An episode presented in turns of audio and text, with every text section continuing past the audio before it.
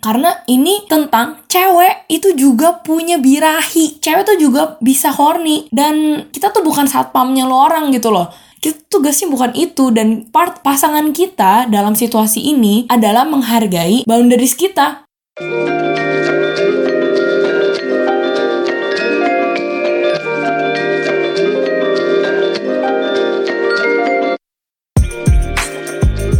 Halo semuanya, selamat datang di episode ketiga podcast Abjad Tersirat. Di episode kali ini, gue akan ngebahas tentang isu yang menurut gue masih sering banget dianggap tabu sama orang-orang di sekitar kita, yaitu tentang perempuan yang udah gak perawan lagi sebelum mereka menikah. Selain itu, gue juga akan menceritakan pengalaman gue pribadi, di mana gue beberapa tahun lalu berada di situasi seperti ini, dan gue sangat-sangat bergumul dengan stigma yang ada dari masyarakat mengenai perempuan yang dianggap rendahan saat sudah tidak perawan lagi sebelum mereka menikah.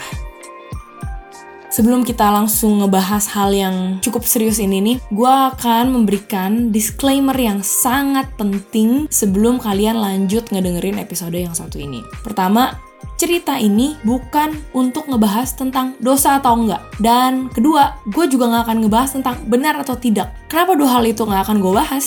Karena menurut gue itu hal yang sangat-sangat subjektif. Dan gue gak mau menguras energi gue untuk ngebahas area itu. Kita langsung cerita ke background dulu kali ya. Uh, background bagaimana gue itu akhirnya jadi udah nggak perawan lagi sebelum gue nikah. Dan apa yang terjadi sama gue saat gue udah nggak perawan lagi, perasaan apa yang gue rasakan, dan bagaimana gue sangat-sangat bergumul dengan pandangan yang ada mengenai perempuan yang masih dihargai sebatas status keperawanannya. Jadi sebelum gue cabut ke Australia itu, gue cukup konservatif dan juga religi gitu. Lalu akhirnya gue pindah ke Australia dan di situ gue memang mencicipi kebebasan. Di mana gue kan udah nggak serumah sama orang tua lagi, jadi gue mau bawa siapa pun di kamar gue bisa atau sebaliknya.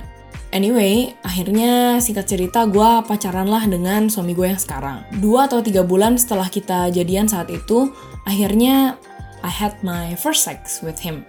Saat itu gue masih umur 19 Waktu itu sih jujur gue gak gitu kepikiran ya tahun pertama itu kejadian gue gak gitu kepikiran wah gila nih gue udah bener-bener pas the limit gue banget gitu. Ini udah bukan standar gue lagi gue gak gitu mikir itu sih karena waktu itu kan masih mikirnya gila anak juga ya Uh, sampai akhirnya gue pas tahun 2012 itu jadi lebih aktif di gereja karena waktu itu kan gue berada di gereja Indonesia. Terus saat gue akhirnya mulai jadi makin aktif, gue mulai aktif pelayanan jadi MC, jadi singer, pokoknya aktif di bagian youth groupnya juga. Itu baru tuh gue mulai ada berasa nggak damai ya, kayak maksudnya aduh gimana ya gue tiap hari minggu tiap hari sabtu berkoar-koar kalau kita tuh harus menjadi terang bagi dunia tapi hari-hari biasa gue tuh kayak wah gila nggak ada tanpa satu hari gue tuh looking forward banget buat ketemu tapi untuk ngewek gitu dan saat itu sih di mana perasaan guilt itu tuh langsung terbangun. Gue saat itu juga bener-bener berpikir bahwa cewek itu harga dirinya ya cuma dari status keperawanannya gitu. Karena nyokap gue, cici gue semuanya juga ngomong hal itu kan. So itu guilty yang kedua. Terus yang ketiga gue langsung merasakan gila kalau misalnya gue udah nggak perawan nih sebelum nikah. Apa Tuhan tuh akan memberkati pernikahan gue gitu? Karena kan gue udah nggak kudus lagi kan, gue udah nggak suci lagi kan.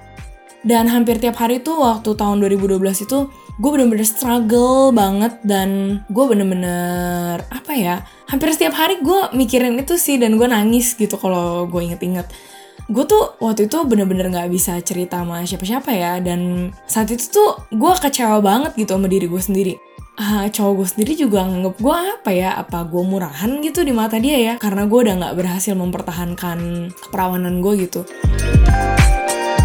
Saat itu gue tiap hari nangis sih dan gue mikir aduh gila gue maaf nih gue jadi nangis. Gue mikir gue tuh sendirian di sini dan gue mau cerita ke temen gue pun tuh susah karena teman-teman gue juga teman-teman gereja kan yang saat itu uh, masih mikir atau mungkin menganggap gue wah si Acing tuh anak gereja gitu kan aktif. Saat itu suami gue juga aktif di gereja dan gue nggak mau dengan gue cerita ini malah jadi ngerusak reputasi dia juga gitu ya. Akhirnya gue keep ini sendirian gue nggak pernah cerita ini ke family gue sama sekali even ke temen baik gue gue nggak tahu ini dosa atau enggak bener atau salah tapi satu hal yang gue tahu perempuan itu juga manusia. Dan gue percaya manusia itu nggak bisa dihargai cuma dari gendernya doang Tuhan ciptain kita sama, itu gue percaya 100%. Dan di mata gue, apakah adil kalau misalnya seseorang hanya karena gendernya beda dengan situasi yang sama mendapatkan perlakuan dan stigma yang berbeda? Misalnya, kalau cewek udah gak perawan lagi sebelum mereka menikah, wah dianggapnya gila lu udah pecun abis deh. Tapi kalau misalnya cowok, apakah mereka mendapatkan stigma yang sama? Itu nggak usah gue yang jawab ya. Kalian cukup aja reflect ke society kita yang ada. Dan saat itu sih gue langsung wow ini nggak bisa bikin diri gue trip ke self guilt lagi. Ini udah nggak healthy untuk diri gue. Juga gue percaya hubungan gue sama Tuhan itu jauh lebih berharga. Dan Tuhan itu menghargai gue lebih dari status keperawanan gue. Gue langsung lompat ke bagian di mana gue akhirnya udah mau menikah jadi saat itu waktu gue udah mau nikah itu gue udah jalan lima tahun sama cowok gue. Akhirnya sampailah kita di pembahasan uh, Holy Matrimony. Suatu ketika akhirnya salah satu kakak gue ini ngomong ke gue, kita langsung bawa bukan aja deh. Maksudnya gimana nih rencana lo nikah?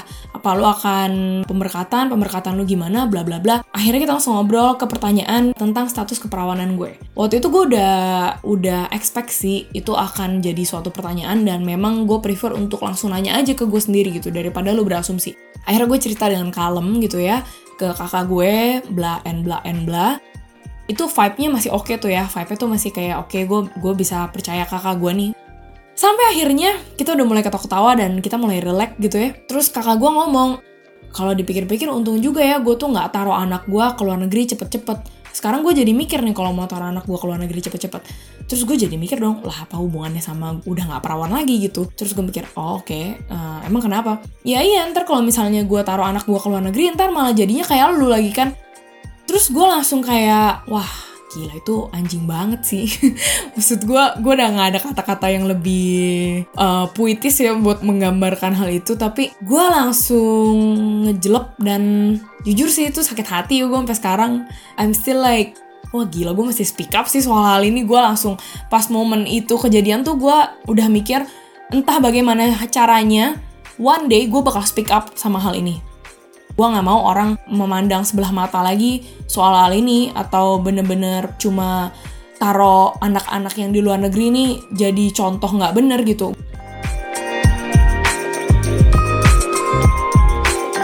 saat lu akhirnya berpacaran, kalau pacaran itu kan lu punya tuh ya batas-batas kayak base yang lu punya persetujuan sama pacar. Misalnya oh lu dulu sama mantan lu ngapain aja gitu. Maksudnya taunya untuk sebagai tahu batasan sih kalau gue biasa nanya kayak gitu. Oh gue misalnya cuma cipokan doang atau oh gue udah pernah tidur sama mantan gue atau gimana. Ya itu abis itu selanjutnya kan lu rembukan lagi tuh sama pasangan lu untuk hubungan yang satu ini. Apakah lu don't mind untuk cipokan doang? Atau lu mau cipokan tapi nggak apa-apa kalau menyentuh area-area yang intim? Atau boleh pegang ke area intim ngobok-ngobok tuh ya tapi nggak boleh sampai masuk? Atau cuma boleh oral doang? Atau apa? Aduh banyak macamnya dan itu tuh yang menurut gue bikin complicated. Karena saat ngomongin hal itu apalagi di budaya tentang ngomongin hal seperti itu ke pasangan yang lawan jenis itu tuh bukan kayak lu rembukan ngomongin assignment gitu. Lu nggak kayak ngomongin tugas kuliah yang kayak oke okay, gue bagian yang ini ya lu bagian yang ini ya oke okay deh deal selesai. Nggak segampang itu karena saat akhirnya kita lompat ke praktek misalnya gue udah ngomong nih misalnya ke cowok gue yaudah gue cuma ciuman ya. Tapi saat lu ciuman dengan durasi yang lama lu pasti akan horny juga. Dan akhirnya tangan itu kan nggak mungkin dong tangan diem doang udah kayak lagi pas kibra gitu kan di samping. Pasti tangan tuh udah mulai tuh aduh kayak aduh mau mau cobain ke mana-mana gitu kan. Dan saat akhirnya kena bagian intim lu sendiri yang mendapatkan kontak fisik itu itu enak. Nah apa saat lu lagi udah mulai enak itu lu langsung bisa ngomong tidak tidak boleh seperti itu. Itu sudah melanggar perjanjian kita ya ini malah jadi apa ya tugasnya tuh malah jadi kayak maling sama satpam. Terus abis itu kan lanjut deh lu udah mulai nih akhirnya yaudah deh nggak apa-apa deh boleh pegang yang penting nggak diobok-obok gitu kan seperti akuarium ikan. Terus lama-lama keobok gitu kan katanya tuh tanda kutipnya keobok keterusan. Terus lama-lama lo mikir anjir enak juga ya dari keobok enak juga jadi oral. Lama-lama oral eh nanggung ya pikir-pikir nanggung juga. Ya udahlah hajar aja gitu kan masuk gitu udah licin juga kan gitu Nah, itu loh yang di mana menurut gua orang itu atau setidaknya gua nggak pernah lihat orang ngebahas itu secara terbuka. Karena hal-hal yang kayak gitu kalau nggak dibuka itu akan tetap terus menyalahkan si perempuannya. Misalnya, kenapa lu malah ngizinin cowok lu uh, megang-megang padahal kan lu udah tahu batasan lu seberapa atau nyalahin misalnya lah lu mah emang imannya nggak kuat gitu kan. Bah kalau lu mau pakai kasus gue mah kurang kuat apa lagi iman gue. Dulu tuh rumah kedua gue itu adalah gereja cuy. Bener-bener kayak itu komunitas gereja gue tuh udah kayak komunitas keluarga ya ini tuh bukan untuk masalah iman lagi ya di mata gue kalau soal uh, mempertahankan keperawanan dalam status wanita nih kayaknya yang perlu banget bertanggung jawab. Karena ini tentang cewek itu juga punya birahi. Cewek tuh juga bisa horny. Dan kita tuh bukan satpamnya lo orang gitu loh kita tugasnya bukan itu dan part pasangan kita dalam situasi ini adalah menghargai boundaries kita bukan malah cari kesempatan. Terus pas udah kejadian lu malah yang pria nih. Gue nggak tahu lu apa begini juga tapi ada pria yang malah gue tahu sih dia ada boundaries itu cuma kan ya gue diizinin untuk megang lebih-lebih lagi ya ya udah ya gue dapat izin kan Well, it's actually bukan izin ya. Itu udah manipulatif sih. Gue cuma mau bahas ini karena pertama, gue mau bikin kalian mikir lagi nih. Apa masih nih mau nyalahin perempuannya doang untuk menjadi satpam, tanda kutip, di dalam suatu hubungan? Apalagi untuk soal kontak fisik. Itu lu pikirin sendiri. Kedua, untuk pasangannya juga, tugas lu tuh apa sebagai pasangan yang bisa nge-support cewek lu? Apa lu pasif-pasif aja gitu? Pasif yang dalam arti lu pura-pura bego. Sebenarnya lu tuh tahu dan lu pakai alasan dengan ya nggak apa-apa lah. Gue cobain juga kan. Nggak taunya cewek gue juga bolehin ya udahlah. Gue uh, mau cerita apa sih dari podcast ini? Pertama, menurut gue sih, gue mau bikin kalian mikir ya. Kalau misalnya kalian baik pria atau wanita atau apa pun gender lu lah yang mendengarkan podcast gue kali ini, apakah adil untuk menghargai seseorang hanya dari sebatas status keperawanannya aja? Kedua, menurut gue gue juga mau cerita hal ini karena gue bener-bener merasakan di mana gue tuh sengsara banget rasanya nggak bisa cerita sama orang gitu loh. Bahkan ke temen deket gue pun sendiri gue tuh bener-bener takut banget dihakimi karena memang itu kan stigma yang kita dengar dari kecil gitu sebagai perempuan. Kalau lu tuh jadi cewek harga lu pokoknya cuma lu perawan atau enggak? Jadi pendidikan lo mau setinggi apa? Lu punya talenta apa? Itu nggak peduli setan. Kalau misalnya kita nih sebagai wanita masih menghargai diri lewat status keperawanannya doang, please jangan sampai lu malah stuck di toxic relationship yang di mana lu tuh nggak dihargai sama sekali gitu sama pasangan lu.